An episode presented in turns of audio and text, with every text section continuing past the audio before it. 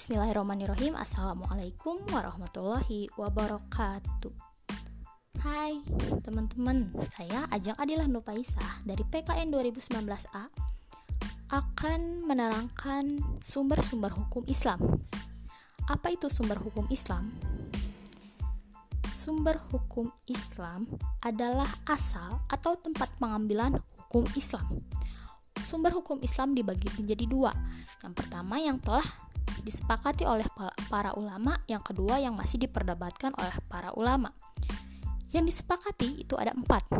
Yang pertama ada Al-Quran. Apa itu Al-Quran? Al-Quran dalam bahasa Arab berasal dari kata korok yang artinya membaca.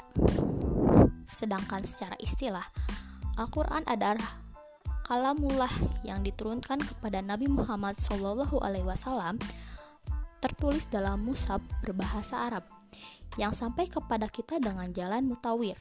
Bila membacanya mengandung nilai ibadah dimulai dengan surat Al-Fatihah dan diakhiri dengan surat Anas. Yang kedua ada sunnah. Sunnah berarti cara yang dibiasakan atau cara yang terpuji.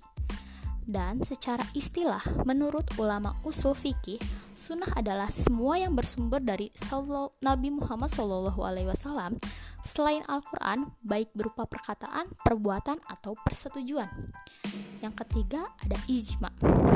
Ijma secara bahasa adalah kesepakatan atau konsensus, atau juga berarti tekad atau niat Sedangkan secara istilah adalah kesepakatan ahli fikih mujtahid pada suatu masa atau suatu hukum syariat tertentu. Dan yang terakhir ada kias. Kias berasal dari kata kosok atau ia telah mengukur dan yakisu ia sedang mengukur dan kias artinya ukuran. Jadi, kias itu adalah ukuran, sukutan, dan timbangan secara istilah dan yang kedua yang masih diperdebatkan oleh para ulama. Yang pertama ada istihab. Istishab berasal dari kata subah yang artinya menemani atau menyertai. Dan secara istilah e, adalah menetapkan suatu hukum yang telah ada pada sejak semula tetap berlaku sampai sekarang karena tidak ada dalil yang berubah. Yang kedua ada istihsan, istishan.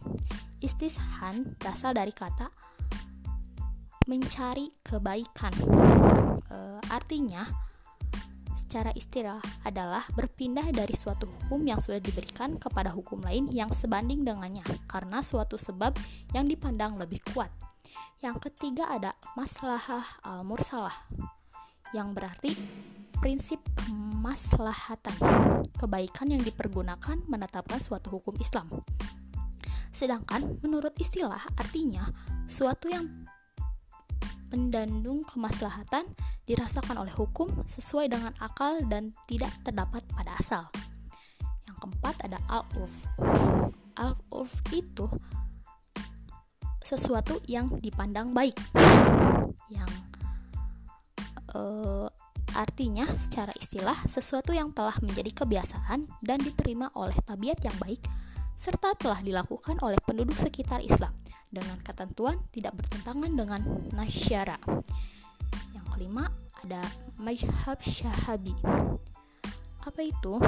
E, mazhab syahabi adalah pendapat-pendapat sahabat dalam masalah istihad dengan kata lain, pendapat para sahabat tentang suatu kasus yang dinukil para ulama baik berupa fatwa maupun ketetapan hukum yang tidak dijelaskan dalam ayat atau hadis. Yang ke-6 ada syar'u man qoblana. Syariat orang sebelum kita.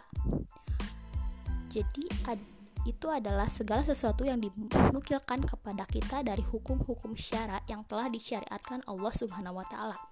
Yang ketujuh ada syadu zarai. Artinya, media yang zahirnya mubah mendorong kepada perbuatan yang terlarang. Dan yang terakhir ada dalalatul iktiron yang artinya menunjukkan dalil yang menunjukkan bahwa suatu sesuatu itu sama hukumnya dengan sesuatu yang disebut bersama-sama. Sekian, wassalamualaikum warahmatullahi wabarakatuh.